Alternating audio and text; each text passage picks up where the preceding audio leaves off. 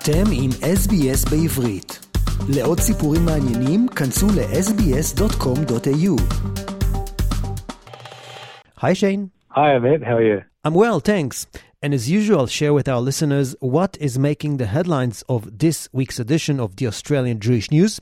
And I can see that someone very important is about to arrive to Australia next year. Yes, so we can reveal that uh, former Prime Minister of Israel, Naftali Bennett, will be the guest of honour at the UIA Australia's 2023 campaign gala events across the country.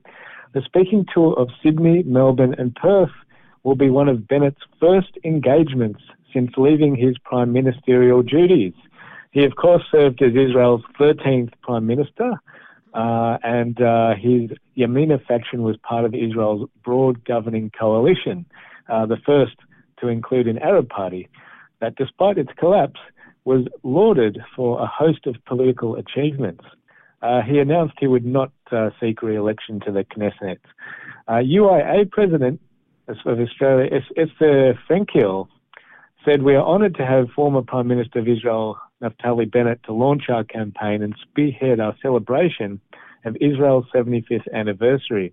His presence at our gala events in Perth, Sydney, and Melbourne is a wonderful testament to the exceptional position that Keren Hayesod UIA holds in the Jewish world.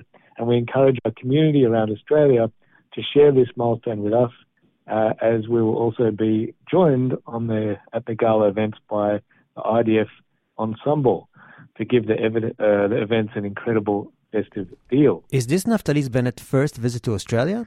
Uh, it's it's uh, he has been to Australia before uh, once, and he spoke about that uh, in a video message, um, a promotional video message, uh, where he said he, he got to see uh, the Australian Jewish community's strong support for Israel firsthand, and he found it truly inspiring.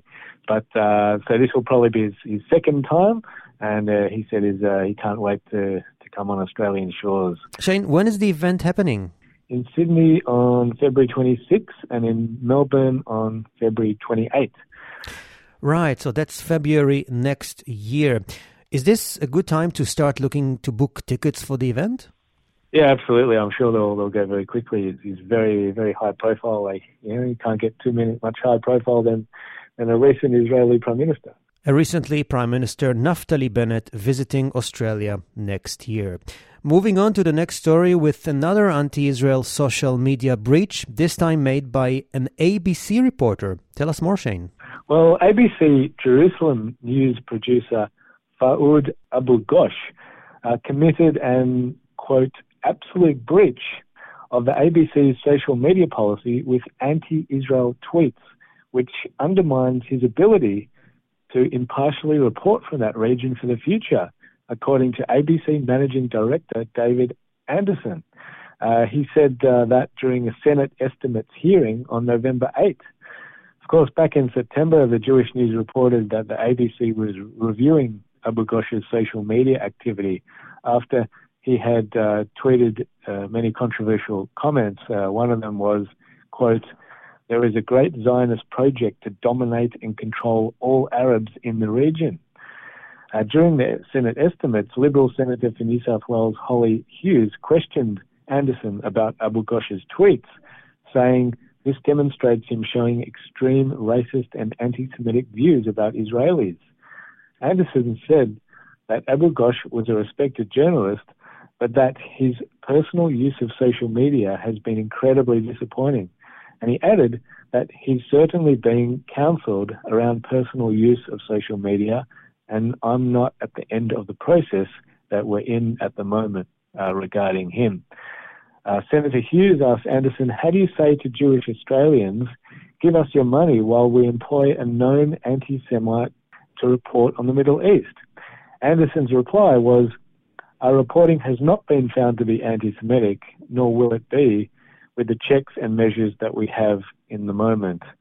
The Australia, Israel and Jewish Affairs Council's Executive Director Colin Rubenstein said it is frustrating that the ABC's internal review process is still ongoing after two months, especially given Anderson's unequivocal admission that not only did Abu Ghosh breach the ABC's social media policy, but the extreme nature of the tweets has undermined his ability to report impartially on Israel Palestinian matters.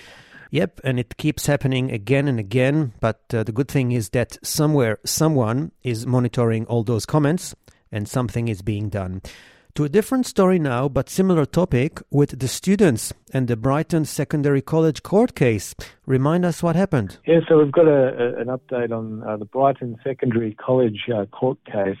Uh, the Jewish Community Council of Victoria has thrown its moral support behind a group of Jewish ex students who are suing Brighton Secondary College in Melbourne and Victoria's Education Department in the federal court for alleged anti Semitic bullying and the school's alleged failure to protect them, while stating that the outcome is a matter for the court.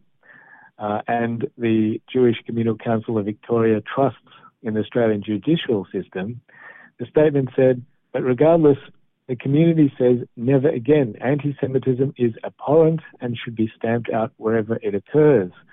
Uh, it's President Daniel Aghion a King's Counsel visited the court on Monday uh, with one, uh, one of a number of Jewish communal figures who have attended in solidarity with the former students. He said afterwards, I attended court to listen to the evidence and to show the Victorian Jewish community's support for the students.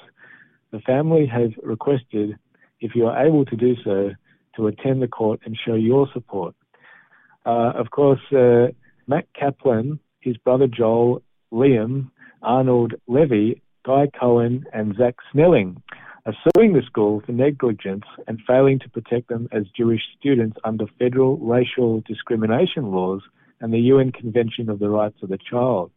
Earlier in the hearing, Brighton Secondary College principal Richard Minack had told the court he had not apologised to Arnold Levy after the student reported a knife being held to his throat in a school bathroom but he did say, knowing what he knows now, quote, it would have been appropriate for me to apologize.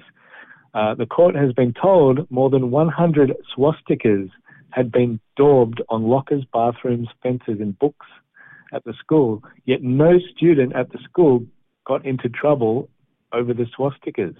Uh, Kaplan has given evidence he was frequently confronted with anti Semitism and bullying, was made to feel unsafe by Minack's reference to his father's wartime role in the German military, and when he reported incidents to staff, he was told to limit himself to the reported incident and not make wider comments about anti Semitism, which he had experienced at the school. Uh, the trial before Justice Deborah Mortimer uh, will continue. Thanks for the update. And staying with the school theme, some other news about Kesser Torah College in Sydney and its principal Roy Steinman leaving. Yeah, Kesser Torah College in Sydney, its principal Roy Steinman uh, will uh, leave at the end of this school year. Um, he uh, was also he came to Australia first in 1997 from South Africa, and he was first appointed at age 38 uh, the principal of Moriah College. Uh, after 10 years, he and his family moved to Melbourne, where he served as principal of Leibler Yavneh College, uh, before returning to Sydney to take up the Kesser Torah College position six years ago. And he will be uh, finishing up uh, to make Aliyah, uh, moving to Israel. So we have an extensive interview with him, and among other things, um, he said he would like to think that each school he has uh, worked at as principal has been a learning journey.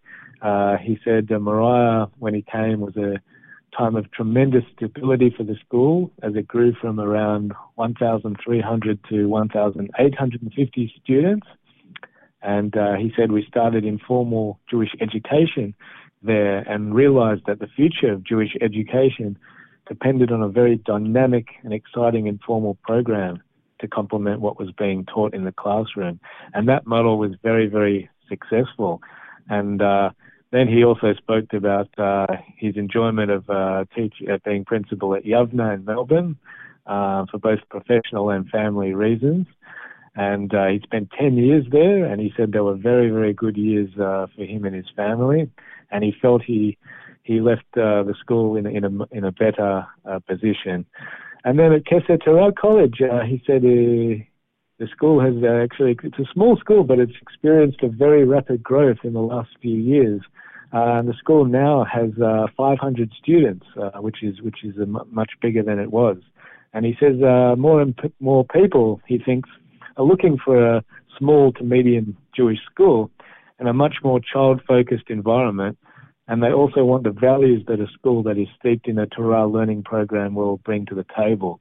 Uh, so he said, we've given the school that uh, a sense of purpose and confidence in itself. And uh, while it's a proudly Chabad school, it has the capacity now to embrace people who are not Chabad uh, in a way that is uh, non-threatening and very encouraging. And he said that uh, the school has some of the best teachers he's worked with in 26 years of his uh, uh, teaching and principal career in Australia. So we wish him well uh, making Aliyah and uh, thank him for all the uh, roles at the three Jewish schools in, in Melbourne and Sydney that he's uh, been principal at. And that's the story of Principal Roy Steinman. Let's finish off with some good news. The ambassador for the UAE in Australia praising diplomatic ties between Israel and his country. Yep. In Melbourne, in his first public address to a Jewish community organisation in Victoria, United Arab Emirates Ambassador to Australia Abdullah Al Subousi praised diplomatic, economic, and cultural ties between his country and Israel at uh, the Zionist Victoria Annual Assembly last Tuesday. Uh, he said growing trade relations between the UAE and Australia have been inspired by trade ties between his country in Israel. And he said the Jewish people are famous for being entrepreneurs. He added also that the cultural ties are amazing now between uh, Israel and the UAE, with a significant increase in Jewish visitors to Abu Dhabi and Dubai since the Abraham Accords were started in 2020. Uh, framing the ambassador's visit to Beth Weizman Jewish Community Center outgoing Zionist Federation, Zionism Victoria Vice President John Searle reflected on an extraordinary moment in history for the Melbourne Jewish community, uh, speaking of uh, the ambassador's uh, visit and his speech. Thanks, Shane. For the full stories and more, head to the Australian Jewish News website. Shane Desiatnik from the Australian Jewish News, thanks for your time. My pleasure, thank you.